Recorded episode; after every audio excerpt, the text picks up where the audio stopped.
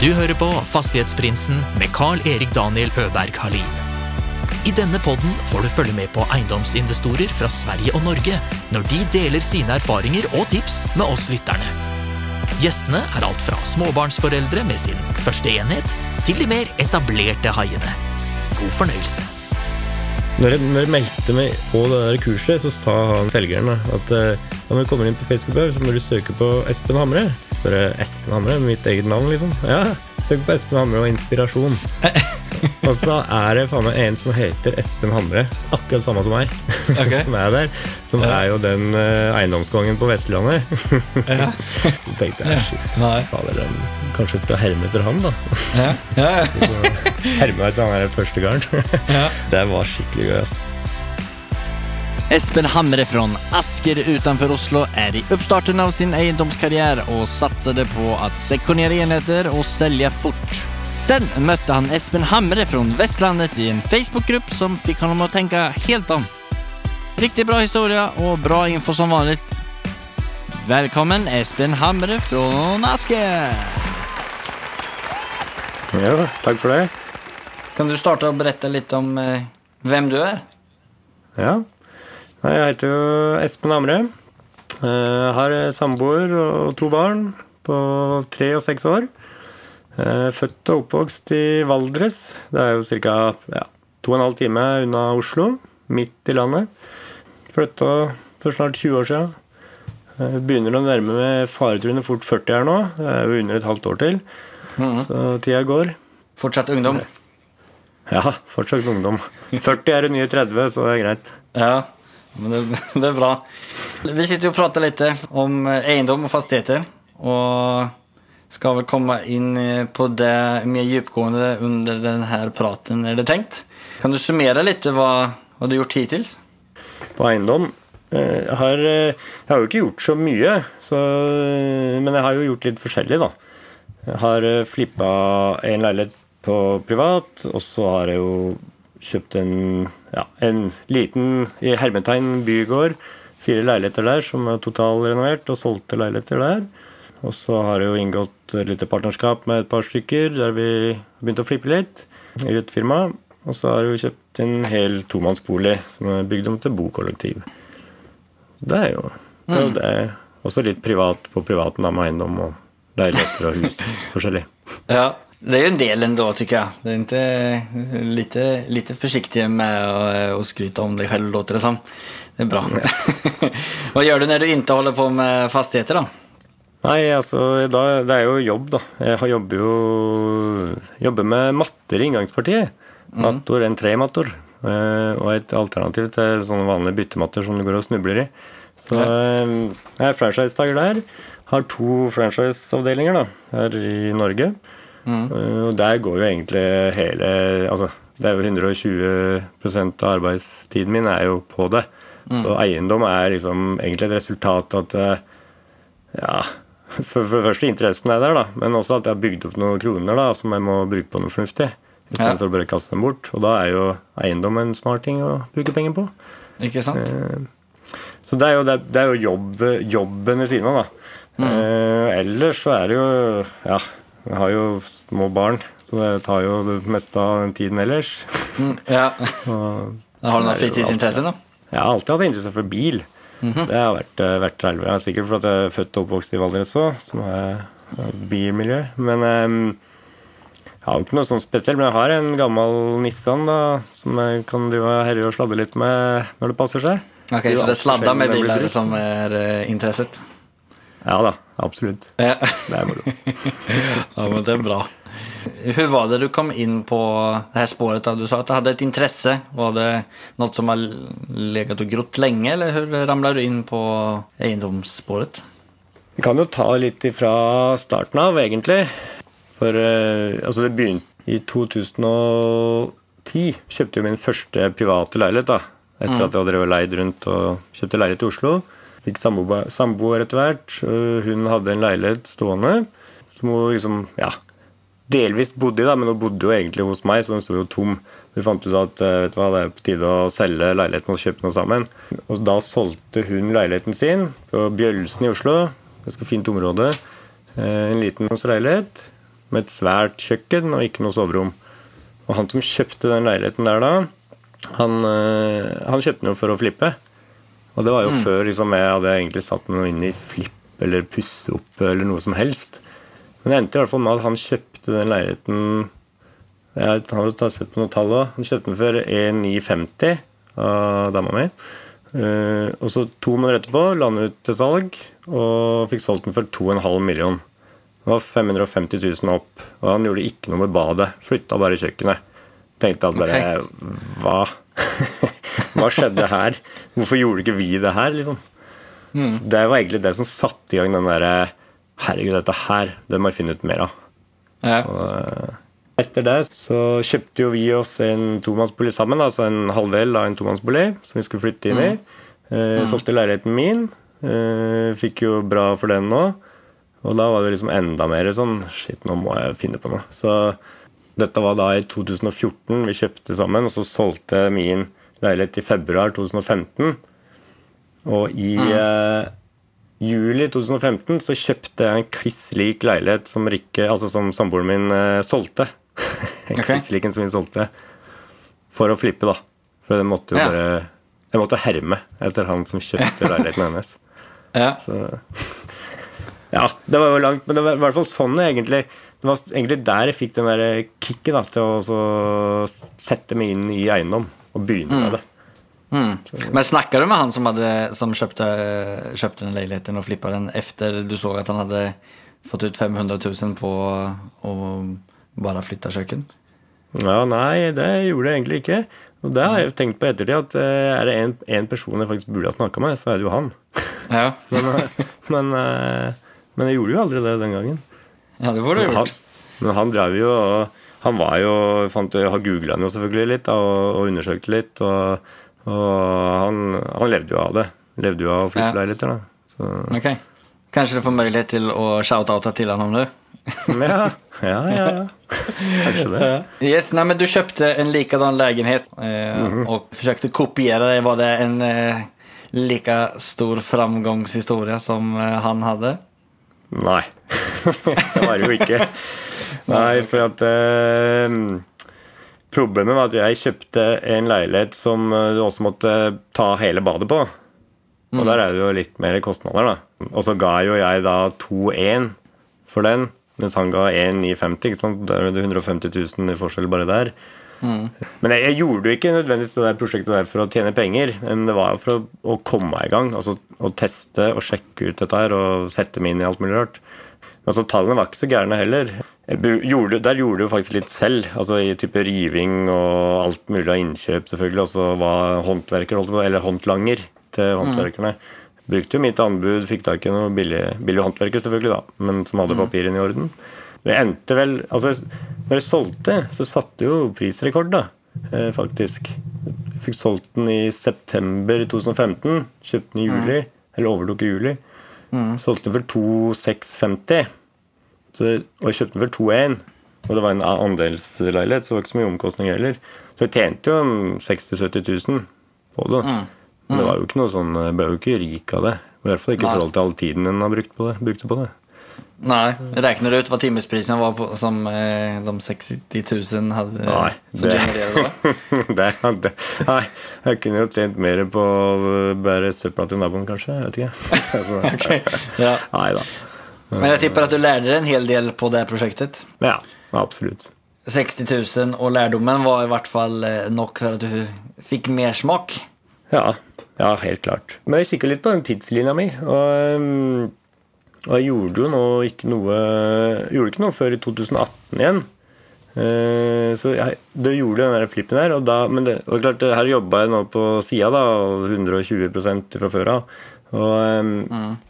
Men, men, det som kanskje jeg gjorde mye i den tida, jeg googla utrolig mye. Og så satte meg inn i masse forskjellig, og selvfølgelig var jeg jo på Finn hele tida. Men jeg, fant jo prospekt, og så gikk jeg litt inn i det og prøvde å finne ut av ting. da. Men jeg kjøpte jo aldri noe Eller det tok jo tid før jeg kjøpte det neste. Ja. så du kjøpte unge... det første i 2014, og så hoppa du videre til to, eh, 2018? Nei, 2015 så kjøpte Eller flippa den leiligheta. 2015. Ja. Mm. Fikk jo Altså, så flytta vi jo inn da i privat eh, I den tomannsboligen flytta vi inn i hva var det, mars 2015. Og vi Ja. fikk eh, første barn i mai 2015. Så kjøpte vi en leilighet der i juli 2015. Ja. Så var jo ikke, det var ikke Jeg hadde ikke eh, min bedre halvdel sånn fullt med på laget. Hun syntes jeg var litt mye borte. Ja. Eh, Så det var jo også litt av grunnen til at jeg ikke liksom hoppa videre. Eller hoppa Nei. på neste prosjekt. da Du brukte egentlig to år på å prøve å selge inn at det er noe bra å, selge, å holde på med. Ja, Jeg måtte finne på noe Hva, hva, var det, hva skulle det være for henne, da? At jeg holdt på med Ja. dette her? Det var jo, Ja. Den kampen har jeg jo fortsatt, egentlig. Så det, okay, ja. Men eh, ja da. Det ordner seg. Nei, men altså, hva var det som skjedde i 2018 da? Jo, eh, i 2018 da Altså, nå er jeg jo som sagt født og oppvokst i Valdres og har masse kompiser og venner og bekjente der fortsatt. Der dukka det opp da en ja, som jeg sa, hermetegn en bygård. Det var jo egentlig altså Hvis du er kjent hvis du, du kjører jo gjennom Fagernes hvis du skal til Beitostølen, eller du kan kjøre det for å komme til Bergen også, E16. Når du kjører over brua på Fagernes, så kan du ta til høyre til Beitostølen eller venstre mot Bergen. Og da Rett fram der er et bygg, da. Så plutselig kom hun til salgs. Så det var egentlig en kompis som tipsa om det. Du skulle ha 2,1 mil, da. Og det var ca. 300 kvadratmeter stort. Fire leiligheter, eller fire utleieleiligheter som var der. Tenkte at fader, det, er jo, det er jo billig. Altså Det er lav kvadratmeterpris. Til, til og med til å være i Valdres. Så ja, reiste på visning, kikka litt på det. Fikk jo en god pris for det og tenkte ja ja, kjør på. Vi prøver, ser åssen det går. Hvor stort er Valdres? Hva er, det, är det en ja. stor by eller hva, hva, er det som fins i Valdres? Ja, Så man får litt feeling på det. Ja, ikke sant. Valdres er jo egentlig Det består jo av seks kommuner. Du har jo noen sånne kjente ja, vintersportsteder. Altså mange, mange i Oslo-området og Østlandet, og også Bergen for så vidt, har, eh, har eh, hytte da, i Valdres. Det er hyttekommuner. Ja. Så det er mye, mye turisme, spesielt på vinteren. Mm. Men Fagernes da er vel eh, Det var i hvert fall Når det blei by, fikk jo bystatus i jeg tror det var 2007, kan det stemme? Mm. Der omkring. Og da tror jeg det var Norges minste by. på folketall. Ja. Eh, Ja. og det er ikke det. Så det er ikke så mye som skjer der. Eh, du har Nei. Rakfiskfestivalen. da De fleste folk i Norge har hørt om Rakfiskfestivalen. ja, Der har jeg en glad gammel kollega som har vært på. Jeg har sett fine bilder därifrån. Yes. Det er jo når alle over 40 Ja, nå er det over 50, da. Ikke 40 lenger. De er jo kule. Men, Ja. eh, men der, eh, da får man jo tatt det helt ut, da. Den rakfiskfestivalen. Du kommer derfra, men å gi seg an en, eh, en flipp i eh, en by som presis har fått bystatus. Låter jo litt vågat i mine ører. Ja. Nå har jo, jeg hoppa jo ikke så direkte på det, som jeg kanskje sa i stad. Um, undersøkte en del ting før jeg kjøpte det. Eh, som f.eks. at det var Det var jo bare ett bygg, ett eh, gårds- og bruksnummer. Um, men jeg sjekka opp i matrikkelen, og den, var, den sto registrert med faktisk fem enheter. Og det var fire leiter der per i dag, så jeg så at seksjoneringa skal gå greit. Og så, Mm, okay. og så undersøkte jo med meglere og brukte jo fint selvfølgelig, finne ut hva ting var solgt for. Og, og det er en del leiligheter der, så, så det var mye, mye å, å sjekke opp imot. da. Og da så at her er det jo potensial, eh, pluss at det er bygd noen nye blokker der, eh, med bedre beleggenhet og litt forskjellig, men de, der går leilighetene for eh, typ eh, 50 000 kvadratmeteren okay. på Fagernes. På nybygd, selvfølgelig. Eh, Så jeg kan ikke sammenligne direkte, men kontra 5000 som jeg ga, da, så er det jo noe Det må jo være noen muligheter der. Ja, ja. Men det du var inne på der, om jeg får bare bakke deg tilbake litt Du sa at bygården hadde ett bygårdsnummer. Eller, eller hva var det du sa? Gård, gårds- og bruksnummer. Altså det var en, det var én eiendom, da. En, Mm. Et hus, kan du si. Det var ikke fire, hus, eller fire leiligheter som var til salgs. Det var ett Nei. hus. Ja. Og de var fordelt ja, altså Even om det fysiskt var fire leiligheter, så kjøpte du en leilighet, eller ett hus i i Ja. Ja, Och, de, och de, hade, de var inte fördelade upp så att man kunde sälja dem en och en heller. Nei, det kunne Nei. du ikke. Och det var väl där som du eventuellt såg att man potentiellt kunde göra ett, eh, eller skapa lite värde. Absolutt. Det var akkurat det det var. Simen eh, Peter Eiterjord, som vi har, eh, haft som gjest, han gjorde det samme. Han fant et bygg som var ja, en sektion, og, men det var fysisk flere olika lägenheter. Har du noen sånn formening om hvilket värde bare det att sektionera upp dem i fyra, liksom fyra enheter på papiret, Hvilket verde värde skapar det? Ja, det er jo veldig avhengig av marked og selvfølgelig beliggenhet, da, sånn som alt er. Men eh, Og så er det jo litt med tilstand der. Men altså hvis du bare Så lenge det er eh, alt annet er ok, da, og du bare får det seksjonert, så, så er det jo klart å selge fire leiligheter kontra å selge et stort hus. Det er jo noe helt annet. Mm. Så klart, Og da kjøpe f.eks. en leilighet til 400 000, da, eller 500 000, det får man jo ikke tak i i det området der. Og så, ja, så bare der er jo ganske mye verdistigning. Så må du da selvfølgelig finne kjøpere da, som er villige til å kjøpe noe. Ja. For den til, tilstanden på dette var jo, var jo ikke bra, for å si det sånn. Nej, nej. Men det er klart du tilfører verdi med å seksjonere. Det blir jo som å ta en tomannsbolig og seksjonere i to. Så er det plutselig mer det er, det er, Du får mer for de to halve enn for en hel, da. Som oftest. Ja. Hva var det du eh, gjorde da, da? Du kjøpte den og så begynte du å pusse opp, eller eh, satte på den en stund? Det jeg gjorde ja, For jeg visste jo ikke nøyaktig hva jeg skulle Altså, jeg visste jeg skulle seksjonere, da. Det var jo alltid tankene. Eh, og så var det jo Det var jo fire mm, leiligheter og fire leietakere der når det tok over. Men han ene, han som bodde i den største leiligheten, han, han hadde blitt kasta ut, eller han hadde blitt sagt opp den leieavtalen av han som jeg kjøpte av. For han var jo, han hadde ikke betalt, og han skyldte vel 70 000 eller noe sånt. nå. Han har riktignok bodd der i ti år, da. Men det var i hvert fall et, altså jo, Han ville jo gjerne fortsette å bo der når jeg kjøpte, men jeg fikk jo heldigvis uh, unngått det. Så ja, Eller å si nei, da, rett og slett. Og, men den, den leiligheten var jo helt falleferdig. Og så var det så skeive gulv, og alt var ødelagt omtrent inni der. Men jeg fortsatte med Ja, men jeg fortsatte jo med de tre andre, da. De, de, så, så da hadde jo inntekter som dekka alt av kostnader, egentlig, og, og plutselig litt, da. Eh, Så jeg hadde ikke noe stress, hadde ikke noe hastverk.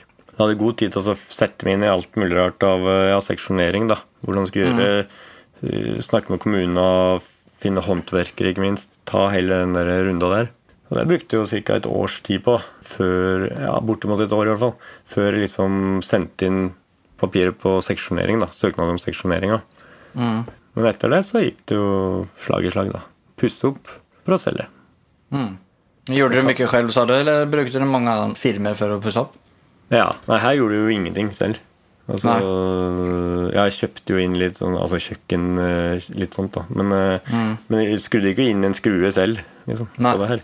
Nå bor Er du hendig? Ja, ja, altså Alt er relativt. Ja.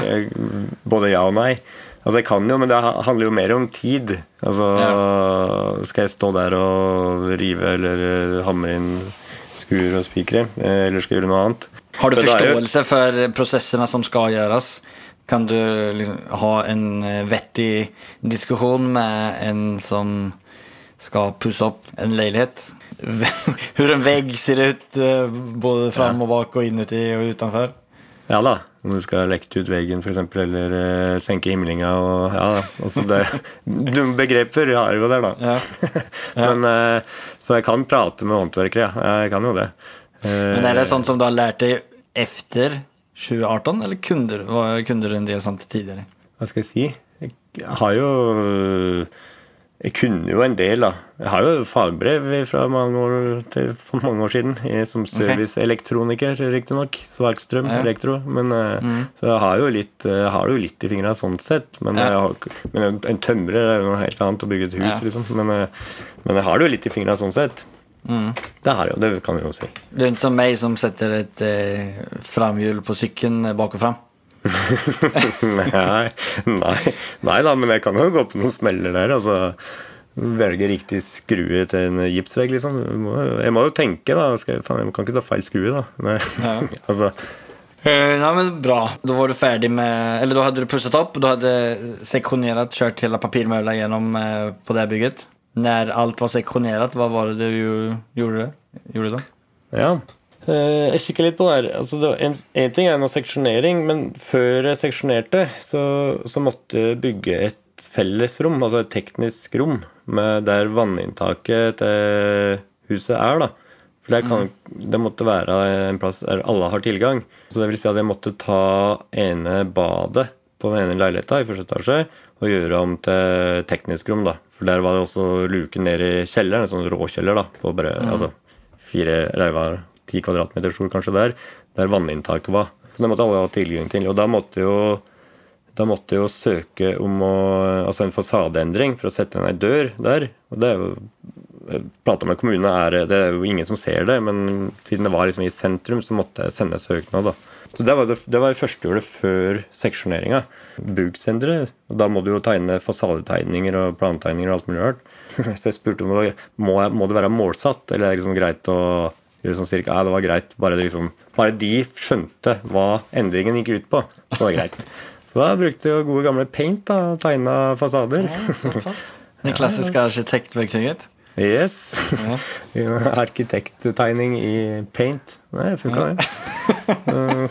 Ja, ja, men man trenger jo ikke å gjøre det mer komplisert Nej. enn man må. Ja, det kanskje man ikke må. Altså är det, jeg vet ikke om det är eh, Valdres som er ekstra snille mot en eh, innføding, inföding eller om det er, er det så i, i Oslo eller eh, i Asker. Det, det tror jeg vel egentlig ikke. Altså, men det veit du ikke, da. Det kan jo være at de var happy så lenge de ser, ser hva man mener. Det er jo det det går litt ut på, disse søknadene. da. Man skal jo liksom bare sørge for at den, den som leser søknaden, skjønner hva du mener, eller skjønner hva du vil. Ja. Så, um, men det er, det er veldig greit å ha det, ha det avklart på forhånd, da. Om, Ja. det, om det er greit å sende en paint, paint, Ja. fasadetegning, eller Härlig.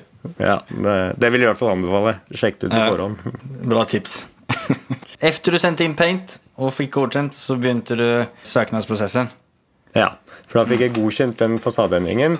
Og da, Den måtte jeg ha på plass før jeg sendte søknad om seksjoneringa. Underveis her så hadde jeg jo egentlig veldig god dialog med kommunene. da. Jeg fikk jo Men det, altså, man, kjenner jo alt, man kjenner jo noen som kjenner noen hele tiden der oppe. da. Eh, men jeg tror ikke det var utslagsgivende, for jeg kjente ikke han jeg snakka med der. Nei fra før av. Eh, Men jeg fikk i hvert fall en god dialog med han i kommunen. Det vil jeg også anbefale. Prøve å fikse en relasjon. Det er viktig.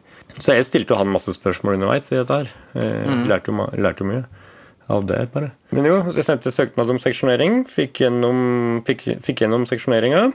Og da var det jo egentlig å begynne å pusse opp. Men når jeg seksjonerte, så hadde jeg en tanke om å gjøre det ganske enkelt. Det var liksom første tanken min. Gjøre oppussinga ganske enkel. Men så viste det seg når vi skulle begynne å lage, vi måtte jo bygge et nytt bad i denne leiligheta. For, for at jeg måtte jo bruke det ene rommet til felles eh, teknisk rom. Og så Da begynte vi med røropplegget. Og jeg har en kompis som er rørlegger, og han sa bare du, det er ikke noe å tenke på. Du må ta alt. Du må rive ut alt som er av rør i dette bygget her, og få inn nytt. For okay. jo til, Hvis du ikke gjør det, så kommer du til å få vannlekkasje om et år. da, eller ja. Så ok, så jeg måtte ha alt nytt rør. Og så en elektriker, da. Nei, nei, du, elektriske her er jo Ja, du har noen vippesikringer her, men det er gammelt og råttent. Alt Ja. er. Så er jo alt rundt elektrisk, og da tenkte jeg ok, søren, jeg må jo bare kjøre på, da, og ta det liksom Ja, ta det ordentlig. Ja. Men det, det vi fant ut, i hvert fall Vi tar og pusser opp Jeg har også fikk tak i et, et håndverksselskap ifra, som faktisk var naboene mine her bor nå. Eh, fra Polen, da. Men de har holdt på, holdt på i Norge i 10-12 år. Og de var interessert i å kjøre opp til Valdres, bo der eh, fem dager i uka og jobbe. Og kjenne igjen. Så, så det var jo passe ypperlig. Men da satte vi i gang det, og vi fant ut at hvis vi pusser opp de to leiligheter For det er to leiligheter i første, første etasje. Pusser opp de to først og får dem ut på markedet. Snakker også mye med megler om dette her. Men da, da skal vi prøve å selge de to før vi begynner ordentlig i andre og tredje etasje da, på det her. Ja. Så det var tanken. Så vi begynte jo selvfølgelig smått med rør og diverse oppover. Mm. Men da fikk vi ferdig de to første, solgte de, kjørte på i andre etasje, fikk den ferdig, la den ut på markedet. Den ble ikke solgt, så da ble jeg jo selvfølgelig litt nervøs. Eh, og så fikk vi etter hvert gjort ferdig den i tredje etasje. Lagt den ut til salg og kjørt sånn dobbeltvisning. da, Fikk begge to ut. Og så endte det opp med oss fikk et salg begge de to på samme dagen da, etter det. Så da var jeg ganske happy. Ja. Så det var jo kort eh, oppsummert hvordan vi gjorde det der da. Mm. Eh, Du sa at du har gjort en del flipper under tiden også. Du eh, har gjort en del andre greier. Gjorde du noe parallelt med det her? Hva, Ja. hva var neste steg eller neste deal du ramla bort i då? Privat så kjøpte vi jo ei tomt like ved her vi bor nå. da Tomt Mm. for å bygge et hus. Det var i oktober 2019. Så det var liksom rett etter begynte oppussinga der. Men etter at jeg fikk solgt de to første leilighetene eh, i da 2020, kjøpte jeg den, en hel tomannsbolig på Hønefoss. Det var okay. i mai Eller overtok den 1. juli 2020. Ja. Så det var før jeg hadde fått solgt de to siste leilighetene, så kjøpte jeg da den der tomannsboligen. Och Hvordan kom det seg at du ramlade bort først opp i Valdres og du bor i Asker og så kjøper du en tomannsbolig i Hønefoss, en Det är lite spagat på, på Ja, det. da. Det er litt forskjell der. Men Ja. du kjører jo, altså, du, man kjører jo forbi Hønefoss da, for å komme til Valdres. Så det er Ja. jo én ting. okay. som kjører forbi. du forbi ser hvor flink jeg er på geografi. Ja, ja, ja. Men det, jeg tror ikke alle vet hvor Hønefoss eller Valdres er, så det, det er jo greit, det. Men da kjører vi i hvert fall forbi der, da. Og så er det noe med at de skal bygge Ringeriksbanen, altså togbanen, da, Mm. fra Oslo og til Hønefoss. Mm. Pluss at de nå bygger en ny motorvei egentlig hele veien der òg. Jeg er rimelig sikker på at Hønefoss kommer til å se en fin verdistigning da, i åra som kommer. Mm. Eh, og den der togbanen skal vel være ferdig i 2029 eller noe sånt, nå, altså det er jo en stund til. Men eh, Ja. Området der er, det er greie priser. Mm. Så jeg kikka en del på Hønefoss. Eh, Og så er jo Finn, da. Henger jo på Finn da hele tida. Får masse varsel som en begynner å se på. Ja. Hva var ambisjonene med den tomannsboligen? Var det tanke å ha som en flipp eller var det tanke som å ha som utleieleilighet? Eller? Ja, nei, det, Tanken der var å bare For det var også sjekka vi mat matrikkelen, at det er to enheter. Altså Han er bygd som en tomannsbolig også i sin tid. Så det var enkelt å seksjonere der òg. Så tanken der var bare å kjøpe en og, og seksjonere og pusse opp litt og selge. Flippe. Men her eh, underveis da, så har jeg jo meldt meg på noen sånn online-kurs. Ja. Eiendom. Utleieeksperten. Kan jeg jo ta en liten shout-out, var det ikke det vi snakka om at jeg kunne gjøre? Ja, det var bare shout-outa. ja, ja. For det, er jo altså, det koster jo penger, da, og kurset er jo helt fint. Det, altså, det er jo basic, grunnleggende, og får masse tips og triks. Men eh, det viktigste, eller det som gjorde at jeg hoppa på det, var egentlig at du kommer med i ei Facebook-gruppe. Altså Ja. med mennesker da, som bare driver med eiendom. Og kanskje aller viktigste er at alle som er i den gruppa, har jo betalt penger for å være med der. Så det er jo ikke noe Og det er så mange mange forskjellige grupper overalt, men det er jo trolling og spam og det prates mye piss, da. Men, mm. men da visste jeg i hvert fall gikk til en plass der en kunne få fornuftige svar. Og komme i kontakt med noen. Men det var jo der jeg fikk øynene opp for da utleie, da. Og jeg hadde egentlig ikke tenkt på så mye før. Eh, Eller jeg hadde jo tenkt mye på utleie, men jeg har liksom aldri, aldri sett eh, gevinsten ved det, da. Eller hva Ja. Hva skal, jeg, hva skal jeg ha noe utleie for? Liksom? Ja. Um, men der, når jeg, når jeg meldte meg på det der kurset, så sa han uh, selgeren at uh, ja, når du kommer inn på Facebook, så må du søke på Espen Hamre. Så jeg Espen Hamre, mitt eget navn, liksom. Ja, søk på Espen Hamre og inspirasjon. og så er det faen meg en som heter Espen Hamre. Akkurat samme som meg, okay. som er der. Som er jo den eh, eiendomskongen på Vestlandet. Han driver jo, kjøper jo gammelt, pusser opp og leier ut, da. Mye bokollektiv. Så tenkte jeg Ja. shit, her fins det Men det, jeg, visst, jeg vet jo at det eksisterer noen flere Espen Hamrer eh, rundt omkring her i landet. Ja, ja, ja. Men eh, at vi skulle treffe på han her, det hadde Nei. liksom ikke eh, villeste fantasi om å gjøre. da Nei. Så da tenkte jeg da Fader, de må jo Kanskje vi skal herme etter han, da. Ja, ja, herme etter han her første karen. Ja. Men da Nei, det var skikkelig gøy, ass. Men tok du kontakt med han da? eller? Eller Ja, sökte du på alt han gjorde og gikk i hans fotspår? Ja, jeg googla jo han selvfølgelig, proff.no og alt mulig. Og så har jeg skaffa meg tilgang til eiendomsverdi, da, så du kan jo gå inn der og finne ut Mm. mye fint. Eh, Så, så jeg så jo at han hadde gjort det jævlig bra, da. Så da og da gikk det opp med der- den derre BRRR, eller hva det heter for noe. Buy, rehab, refinance, rent, uh, repeat. Og så hele sulamitten. Og du Ja. bør fortsette med det der, og du bare henter ut egenkapitalen din. Høres så jævlig fint ut. Og mm. du tenkte at eh, ok, det er folk som gjør det. Da må jo jeg jo kunne klare det. så da tente jeg Speciellt litt om han, om han også heter Espen Hamre. Ja, ja. ja. Da, men vi jo litt, hadde jo litt morsomt med det da, på Ja. Facebook. der Og tagga hverandre litt. Så, og så møtte vi henne på en sånn nettverkssamling. Det var jo litt festlig, det. da Møte, møte. Og vi dukka opp der i samme jakke. da Kliss lik jakke. Eh, begge kjørte Tesla. Og begge har hatt en Audi RS2 før i tida. Og på noe VAG-forum. Og, ja, ja. Så, Ja. Og så toppen av alt var jo at vi klarte å, har klart å kalle ene sønnen vår akkurat det samme òg. så, så, så det er helt sprøtt, altså. Og ni kjenner ikke hverandre? Nei, nei. nei. Ikke i det hele tatt. Ja, Så så bra. det,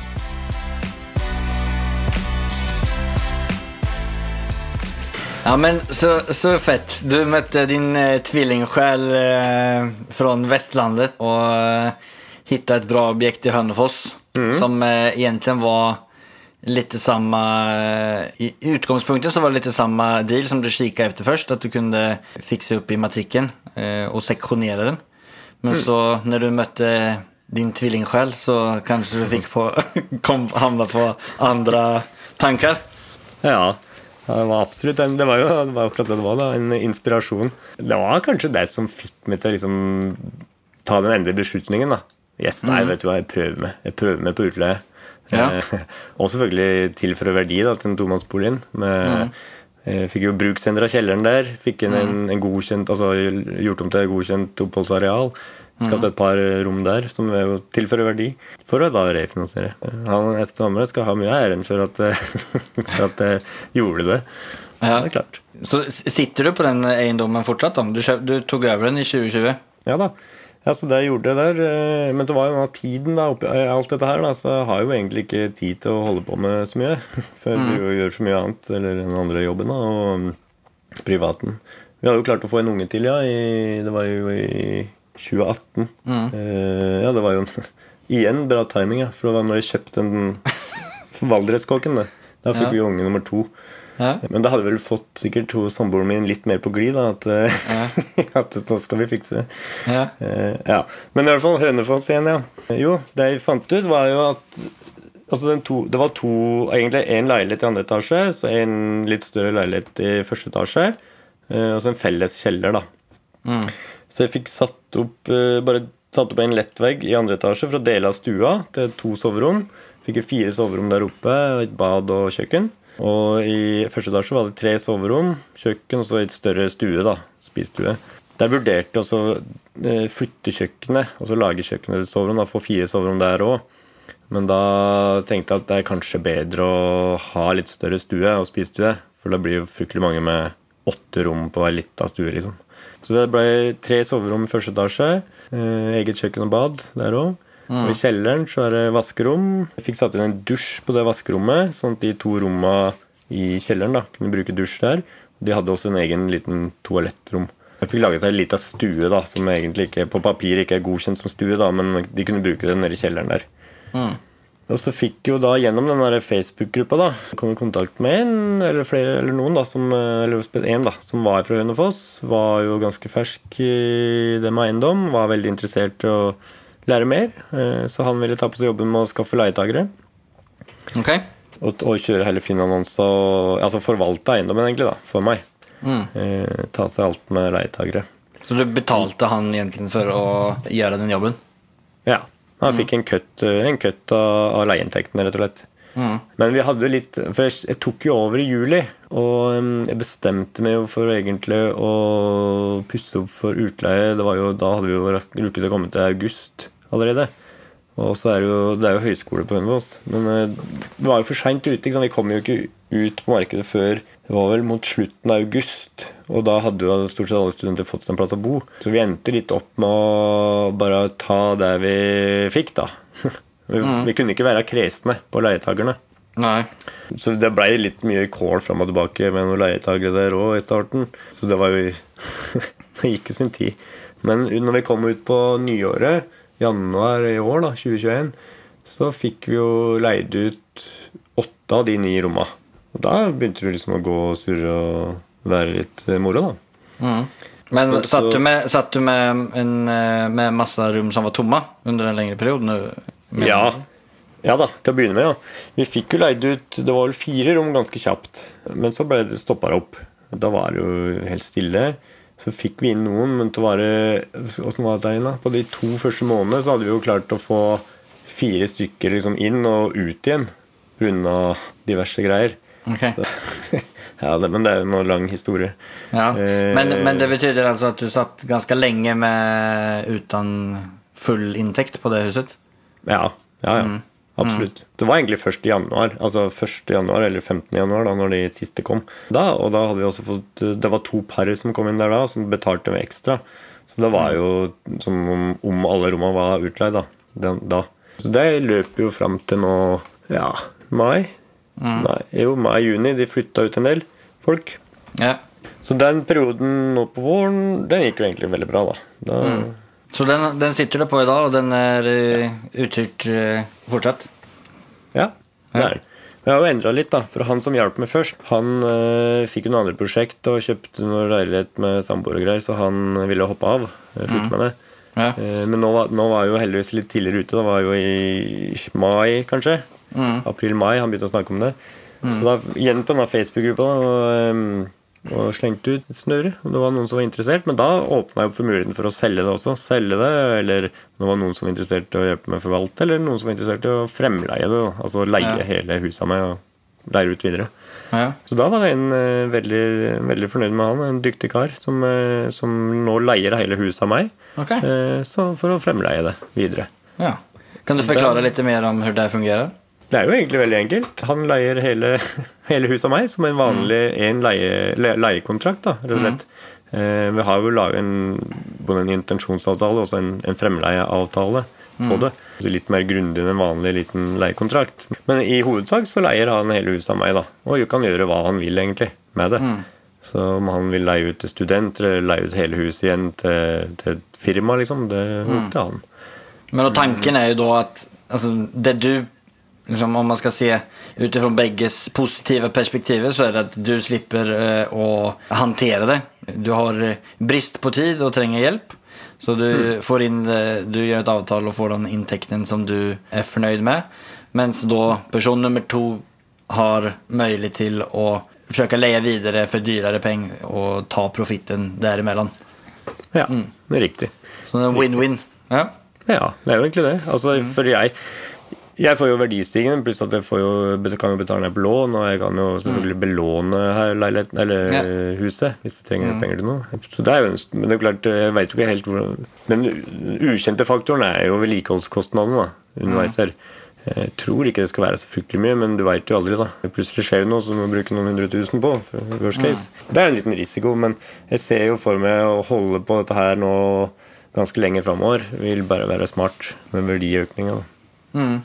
Nej, men för det där är ju både en fin sak för dig och som sagt det kan vara en eh, mjukstart för den som vill in på eiendomsmarkedet också. Att mm. kanske kontakta folk på, på, Finn eller på Hemnet eller Blocket i Sverige som eh, hyr ut någonting och höra om de är intresserade av att kunna göra en sån fremleiedeal så kan man tjäna några extra tusen eh, i månaden på det om man är kreativ och finner lösningar som man kan för leie ut ett rom eh, åt gangen til studenter eller en något företag eller noe liknande. Ja, det er riktig bra tips at vi kom inn på det.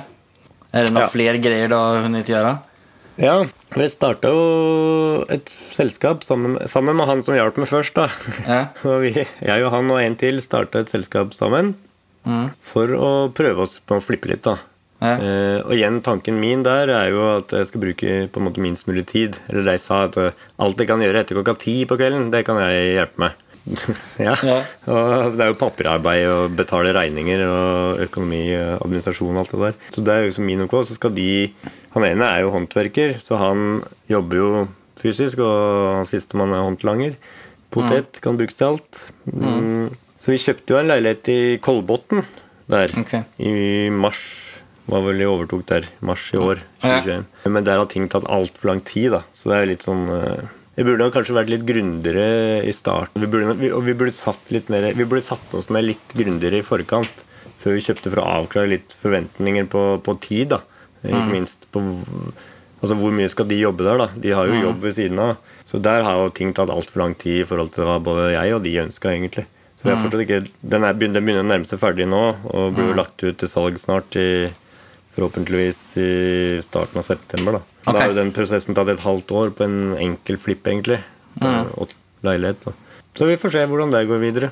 Ja, Hva hadde är sett før dere at det skulle ta i tid eh, optimalt sett? Nei, to-tre måneder, kanskje. Den, fra vi overtok til den lå ute på helst innen tre måneder. Eller skal vi se, ja, det var vel tre måneder, helst. helst. For å få det så fort som mulig. Da. Ja. Men, men, det er jo læring, det her òg. Det er jo det det eneste jeg driver på med, er å lære. Sette Ja. meg ting, inn i ting og tang og finne ut uh, veien min videre i eiendomsverden. Ikke sant? Og da er jo dette her veldig god erfaring òg. Hva er det for planer du har framover efter det da? Efter flippen er ferdig og Vi er jo midt i en prosess på privat nå. Jeg skal selge her vi bor nå. Forhåpentlig å signa avtale faktisk med megleren i dag. Ja, Det blir månedsskiftet august-september da òg. Antakeligvis i begynnelsen av september. Og så Dette huset vi bygger, skal være ferdig i begynnelsen av november. Så jeg tenker at det må være pri én å få solgt her og komme seg inn i, komme seg inn i et nytt hus Ja. på privaten. Og så har vi jo byg, bygger huset med utleiedel, da, selvfølgelig. Så da må, Ja. må jo få Eller planen er i hvert fall at det skal bli utleiedel. Ja. Du får leid ut der. Det er jo planen. Är det rita på tegning eller er det noe sånn ferdighuskonsept som ni heter? Nei, det er bygd eller tegna ifra grunnen, da. Ja. Brukt mesterhus. eh, De har jo en del ferdighus også, som er jo fine, de. Men eh, det er skråtomt, da, så var jo egentlig ingenting som passa inn. Og så, og så har de jo arkitekt egentlig helt eh, Det funka veldig bra, det. Tok Så du fikk, eh, du fikk komme inn med litt innspill fra Paint? Ja, det var ikke så mye fasadetegninger i paint. Handa Henda var der, da. Men, eh, men jeg tegna jo selv, da. Jeg bruker jo også et program som heter Magic Plan på å tegne plantegninger. Mm. For jeg bruker det i jobben ellers òg. Så det gjorde jo da eller Først så skisserte jo han i, i Mesterhus opp eh, noen forslag, og så tegna jeg det inn i Magic Plan, der jeg kunne liksom justere litt på rom og vinduer og dører og alt mulig rart. Og så var det noe fram og tilbake der, da. Ja. Men eh, jeg sparte den for paint-tegninger, ja. Jeg gjorde det. Men om du hadde 500 000 og du fikk starte om på noe nytt nå idag. Om du, du har liksom ikke gjennomført noe, men du sitter med all kunnskap som du har idag. Vad, hur hadde du forvaltet det? Hadde du gått samme vei? Hadde du starta med en liten flipp? Eller hadde du hoppa på og springa i skuggan av eh, den andre Espen Hamre på Burr? Eller? Ja, det er et veldig godt spørsmål. Altså, for, altså Hvis det har vært i dag, da, og jeg er i den situasjonen jeg er nå, og alt det der, så jeg har jo jeg, har en liten drøm om hva jeg, hva jeg skal gjøre til neste prosjekt. Men klart, da trenger du jo mer enn 500 000. Så da ville jo Da måtte jo, måtte jo planen vært å få mer kapital. Er jo nummer én. Ja. Eh, men da kunne man jo gått sammen med noen. Jeg har jo veldig lyst til å så altså Her verste er at det er jo akkurat eh, Jeg gjør jo bare Jeg hermer igjen, men det er å kjøpe et hus da med stor tomt, seksjonere ut tomta, selge huset igjen, kanskje pusse opp litt, grann, selge huset, sitte igjen med tomta, og da bygge en, eh, helst en tomannsbolig. Eller hvis det er i Askerommet, så kan du bygge en du kan bygge en enebolig. Du trenger bare en eneboligtomt, da, men du bygger en enebolig, men med en frittliggende sekundærenhet. Okay. På, og den kan være inntil 80 kvadratmeter eh, BRA, er det vel. 80 kvadratmeter. Okej. På 700 kvadratmeter tomt. da. Og så kan du selge begge de to som, som egne salg. Ja. Um, ja, det er jo helt genialt. Og uh, ja, det er mange som gjør det her i området. Eh, Ja, det Så det er jo Ja. Nei, men ja, så det er vel kanskje det jeg ville brukt uh, den kunnskapen min til. da, Prøvd å få til det.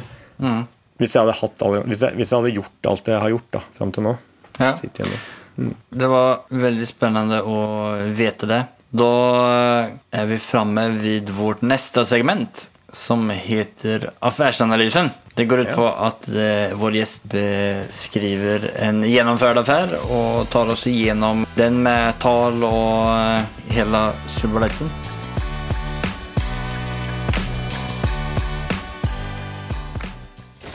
It has not been easy for me. And, you know, I, I started off in Brooklyn. My father gave me a small loan of a million dollars.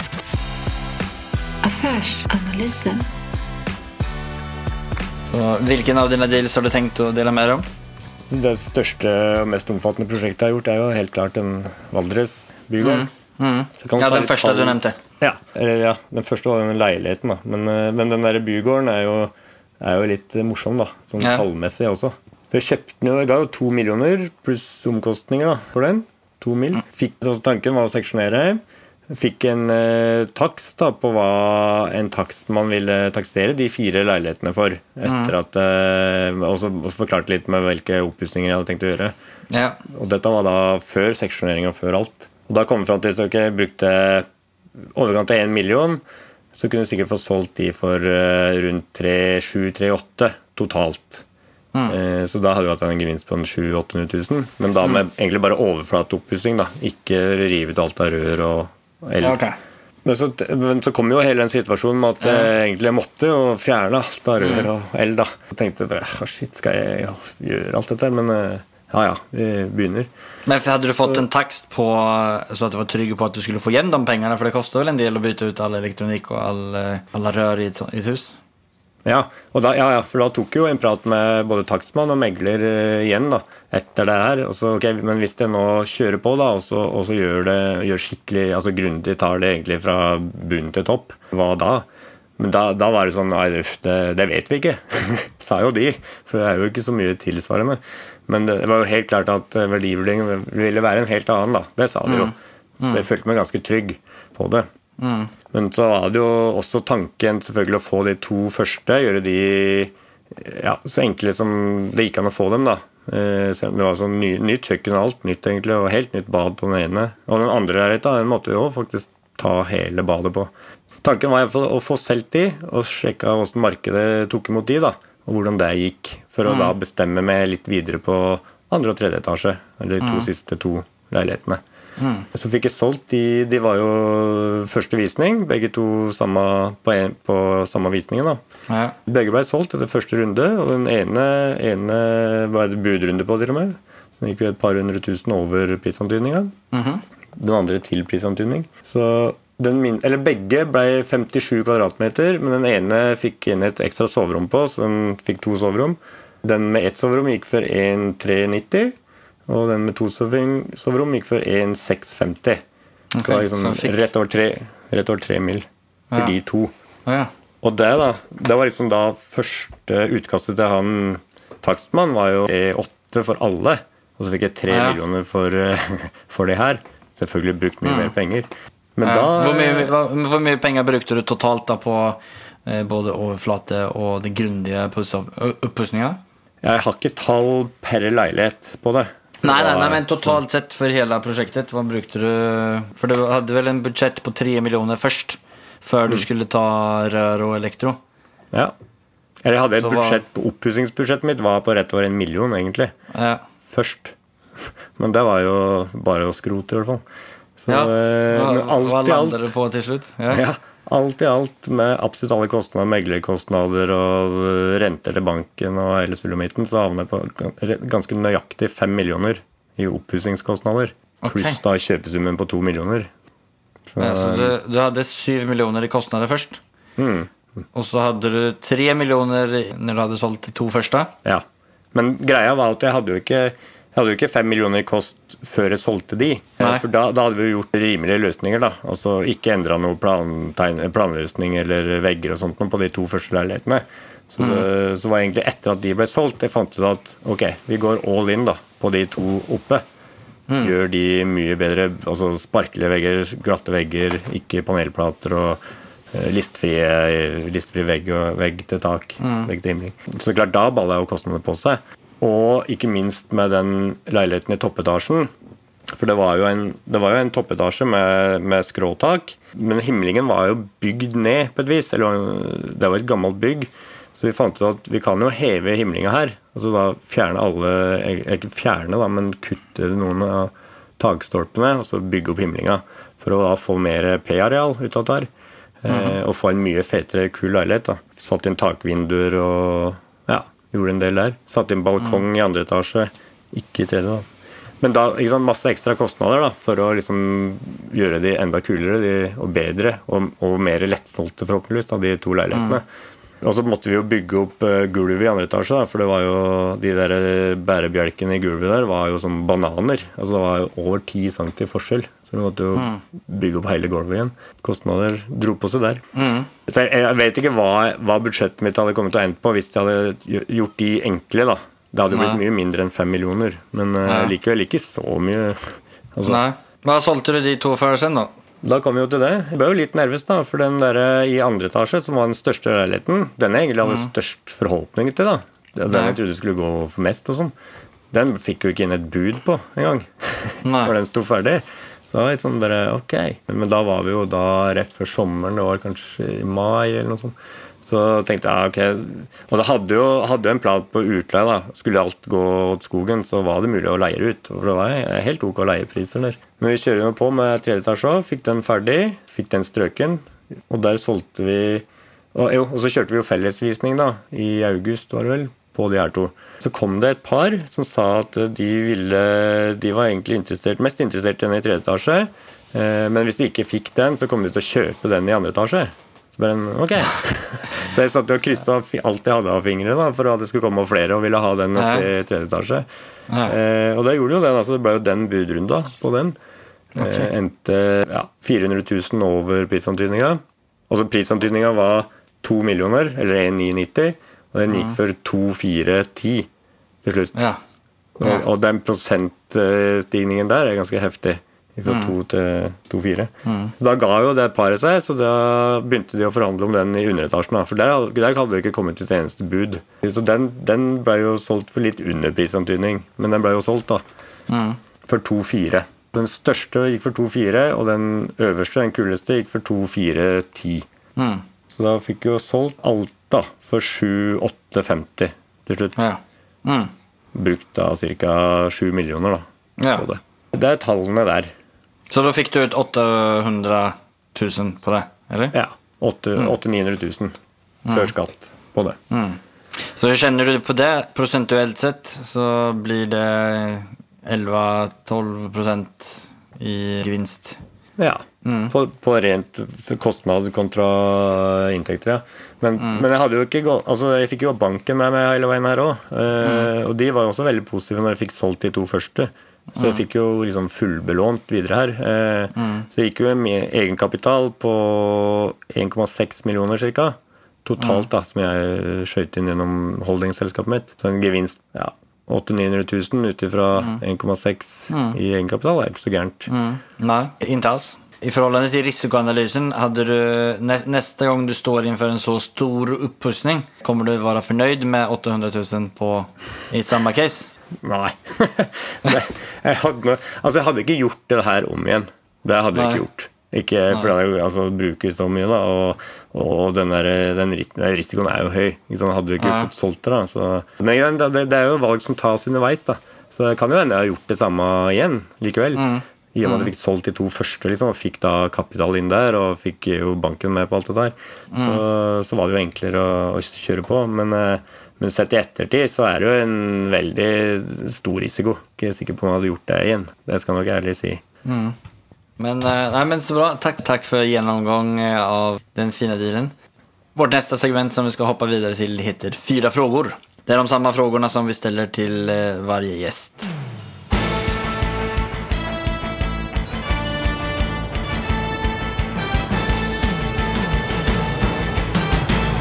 Cuatro preguntas. Den første frågan lyder som følger. Hva er det som skiljer en framgångsrik entreprenør mot de som ikke lykkes, slutter eller aldri kommer i gang? Altså passion. Passion, vilje.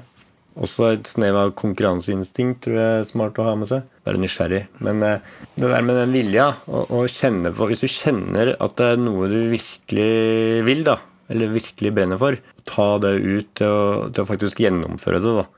Og klare å, å både ta noen sjanser, sette i gang, si til seg selv at det her eh, skal jeg fikse.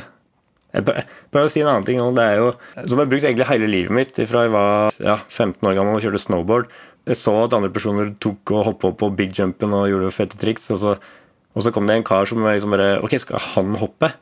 Ok, Hvis han klarer å, å naile det der, da skal jaggu jeg gjøre det òg. Og litt sånn har jo vært eh, hele veien. da. Det å bruke Kanskje finne motivasjon da, i andre. Det var helt fantastisk att du møtte den andre Espen altså. Ja, ja. Og han, han, han tenker mye på. han, han og han der karen som kjøpte leiligheta til samboeren min, Ja. han, og, eh, han ligger og irriterer meg litt fortsatt da, at jeg ikke gjorde det selv. Fan, ni, ni, ni tre skulle gå ut og ta en, eh, en god middag på Aker Brygge. Da hadde det, alla bi- pusselbitarna fullt på plats. det andre spørsmålet er eh, om du hadde ubegrenset med penger og fikk kjøpe hvilken fastighet som helst i hele verden. Hvilken hadde det vært? Den har jeg tenkt mye på. Hva hadde jeg kjøpt da? Men eh, det, det gikk opp et lys for meg. Jeg vet akkurat hva jeg hadde gjort da. Eh, Jeg måtte nok kjøpt mer enn én eiendom. da. Jeg måtte ha kjøpt et område. Ja. Men jeg har kjøpt eh, Anfield og hele området rundt. Det er hjemmebanen til Liverpool i England. Jeg, jeg tenkte si at du tykker sikkert om fotball Ja. når du sier det. Er, eh, det er få saker som interesserer meg eh, så lite som fotball. Så Ja, da har du gått glipp av klapp, den klapper meg på skulderen på at jeg kunne ta. ja, Vi glemte å si innledningsvis at eh, fotball er jeg rimelig opptatt av. Jeg ser alle kamper jeg kan få sett på av Liverpool. da. Jeg rekker jo ikke å se Ja. alt annet, men, eh, men Liverpool det er fast i agendaen. Det er i kalenderen til dama også. Så, Ja. Men jeg hadde kjøpt Anfield og så revet alt rundt. Sørga for å bygge nye boliger til de som måtte flytte, da, men, eh, og det skulle de fått. Og, og så skulle vi lagd Anfield til verdens største fotballstadion, selvfølgelig. ja, det hadde vært konge, altså. Og eid den. Og så hadde du bygd en fin leilighet til, til deg der oppe. Ja, helt klart. Ja. Ja, toppen. men. Har du et bra boktips for noen som er interessert i eiendomsinvestering? Ja, boktips. Nå har jeg jo hørt noen episoder her, og og alle sier jo den derre Rich Dad, Poor Dad, mm -hmm. men jeg har egentlig nesten aldri lest ei bok i hele mitt liv, for å være helt ærlig. Nei. Eh, Men det jeg har lyst til å gi et tips om der, som jeg har lært, lært utrolig mye av, er å bruke innsyn i byggesaker på kommunene okay. sine hjemmesider. Ja, Ja, ja. Det er så genialt. Hva er det du lærer deg der, da? Nei, der lærer du egentlig alt. Altså, du, du, det, er, det er jo oppskriften på alt som må til da, for å gjennomføre et prosjekt. For å ta et eksempel, så Jeg har jo trilla mye barnevogn her i området. Med disse barna. Og Ja. Gikk forbi et eh, sånn gammelt hus, da. Litt sånn falleferdig, og det sto helt tomt. med En fin tomt, da. Og eh, så plutselig når jeg trilla forbi, så sto det masse maskiner og reiv det huset. Så bare, ok, hva skjer her? Så begynte du etter hvert å bygge, så konturene av en tomannsbolig på den tomta. Tenkte jeg, ok. Og så er det jo bare å gå inn på da, Asker kommunes hjemmesider, søke opp byggesaker, innsyn. Der ligger alt som er ifra også, og kombinert med mm, seeiendom.no i Norge, da. Men altså, du finner jo ut hva og hvem som kjøpte det huset, hvor mye de ga for det, og alt mulig rart. Eh, Men så du, går du inn på hjemmesida til kommunen, søker opp gårds- og bruks, bruksnummeret der. Og der ligger jo da søknaden, alt om fra riving til godkjenning av eh, søknadene om å bygge. Men du, også du får jo innsyn i plantegninger, i søknadspapirene, altså følgebrev. Alt ligger der. Og godkjenningsbrev fra kommunen. Du får også alle mangler, alle feil som er gjort, kommer jo opp der. Altså de F.eks. at de mangla, mangla noe, eh, de som sendte søknaden. Da må du jo sende inn revidert. Og du ser alt sammen. Skikkelig bra tips. Men er det, er det lettlest, eller er det vanskelig å få oversikten over det? Nei, det er egentlig, det er egentlig ganske enkelt eh, når du bare søker opp. For alt, alt står på gårds- og bruksnummeret i kommunen. Eh, Men nå har det begynt eh, Altså nå må du be om innsyn. Nå må du sende du, Det er jo bare å trykke på en link på hjemmesida der. Og så får du det på mail. Før kunne du bare åpne vedlegga rett på hjemmesida. Så det tar litt lengre tid da før du får det. Men der eh, Du får jo alt. Så, Fantastisk. Ja, var, det der skal jeg, skal slutte å lese bøker og gå inn på innsyn.no. Eller bare, eller bare kjøp noen leiligheter som noen andre flipper, og så kan du følge fotspora. Eller, eller, eller, eller google Espen Hamre, da. Ja, ja. Gjør som han. Ja. Siste spørsmålet. Nevn det mest storartede, morsomme eller minnesverdige settet som du har feiret en gjennomført affære på. Jeg har jo egentlig aldri feira noe så voldsomt. Altså, det har blitt noe champis og, Ja. og greier, da, men, eh, men du bor jo i Asker, så det kan jeg tenke meg blir en del sjampis. Husk på det er fra Valdres, da. Det er jo ikke sjampis som gjelder der. Det, jo da, det er godt med sjampis. Men eh, jeg tenker tilbake til den første leiligheta jeg eide, eh, som jeg solgte i 2015, den private. Og Det var jo en megler jeg også kjenner da, som jeg brukte da, eh, som var veldig glad i vin. Jeg er jo fortsatt glad i vin, da, men eh, vi lagde en liten avtale. Jeg tror han hadde litt eh, Han, han visste vel hva han, hva han gikk inn i, da, men vi lagde en avtale at for hver 10 000 vi fikk over eh, prisantydninga, så skulle vi få en flaske vin. Hver 10 000. Og den, den gikk jo for eh, 280 000 over prisantydning. Hei. Så tenkte jeg fy faen, skal jeg kjøpe 28 flasker vin til den? så jeg endte opp med å kjøpe en sånn sekslitring med vodka til den. da Gigantflaske med vodka. Så han fikk ja, Han fikk i hvert fall mye glede av den feiringa der. Ja. Det er kanskje Så han eh, Ja, det kan jeg tenke meg. Det har vært en bra fest på din, eh, på din eh, regning. Ja. ja. Ja, men superbra. Har du, har du noen siste tips til alle nye investerere? Jeg har jo noen sånne dårlige ordtak, da. Men, eh, Ja, dårlig dårlige jeg- ordtak er bra. som jeg følger litt. Altså, jeg har en liten sånn Det er jo klisjéaktig, kanskje, men eh, det er bedre å angre på det man har gjort, enn å angre på det man ikke har gjort. Og så må man jo selvfølgelig bruke det med omhu, da, men, eh, men eh, samme å kjøpe den første leiligheten Altså, jeg angrer jo ikke på det i det hele tatt. Jeg hadde angra noe jævlig hvis jeg ikke hadde gjort det. Som jeg har at du ikke tok eh, kontakt med han som solgte den eh, første han i eh, Ja, den angrer Kanskje jeg skal gjøre det. Det er jo ikke for Ja. Nei, det er det faktisk ikke. Skal jeg holde deg til gode for det? Ja, ja, ja. ja. God idé. Ja, men det, også er jo noe med ikke gi seg, da. Altså, jobber jo med salg òg, da. Der er jo et, et nei er jo kanskje, og kanskje er jo ja. Altså, nei, det finnes ikke nei. Da må du bare prøve på nytt på en litt annen måte. Det gjelder alt her i livet, det òg. Kjempebra. Jeg spurte tidligere litt om du hadde noen planer fremover. Du skulle fikse Du, du skulle selge huset og flytte inn i nytt. Eh, Men er det noen andre deals som du er på jakt etter, eller andre personer eh, eller lignende som du vil komme i kontakt med? Ja, det er vel ikke noe sånn utprega, men jeg sikter jo litt på et prosjekt med da en enebolig med en større tomt, da. Å gjøre et sånt prosjekt. Det er nok Hvis noen har noe sånt noe på hånd og, og trenger kapital, f.eks. Men jeg er jo litt der at eh, jeg må avveie en av tidsbruken min også. Men etter hvert så vil jeg jo ha litt kapital, selvfølgelig. Som, Du må jo få penga til å jobbe for meg, og ikke jobbe for penga. Ja. Så om det er noen som har noen bra deals, eh, så kan de ta kontakt med deg, med andre ord. Hvordan kommer man i kontakt med deg om man vil samarbeide med deg? Nei, Du legger vel ut noe link her, men uh, Ja. det er jo Facebook funker jo. Uh, mailadresse kan du legge ut. Ja, ja men bra. Da linker vi til det i beskrivningen. Perfekt. Ja, men Da takker jeg for jättemycket för att du eh, ställde upp och var med Og riktigt eh, bra tanker jeg har fått etter det her praten med sektionering og ikke minst de ulike sätten som man når man har dårlig med tid som du, eh, som du har. At man, eh, den her delen med f.eks. exempel fremleie, veldig bra. Nei, Jeg vil jo gjerne takke for at du ville ha med meg. Jo, jeg føler meg jo litt sånn liten i forhold til mange av de jeg, de jeg har hørt her. Så.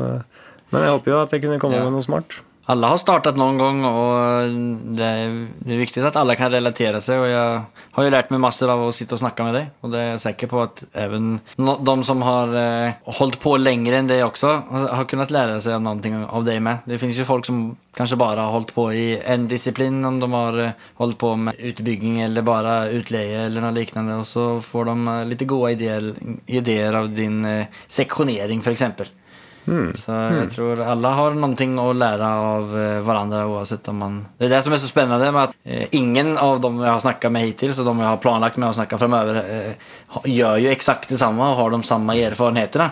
Så man tar jo, kan jo plukke med ideer og prøve å applisere på det man holder på med også. Absolutt. Ja. Ja, men så jeg er superfornøyd over å ha fått snakke med deg, Espen Hamre. Så får du ha en fortsatt fin dag, og så tales vi. Ja, det vet du. Ha det bra. Efter den här praten jag hade med Espen har jag varit inne på insyn i flera byggsaker och det var verkligen lärorikt att se konkreta caser och kopiera eller undvika det som har blivit gjort tidigare. Så har du inte varit inne där så rekommenderar jag verkligen att gå in och kika där. Både Espen och Simen Peter Eitejord, som var gjest i episod 13 gjorde at jeg har fått opp øynene for det momentet med å skapa värde gjennom flere seksjoner i et eksisterende bygg Og ser du aktivt efter sånne deals selv? Hva leter du efter for deals eller hva er du intresserad av i eiendomsbransjen? In og dela på Fastighetsprinsens Instagram-konto.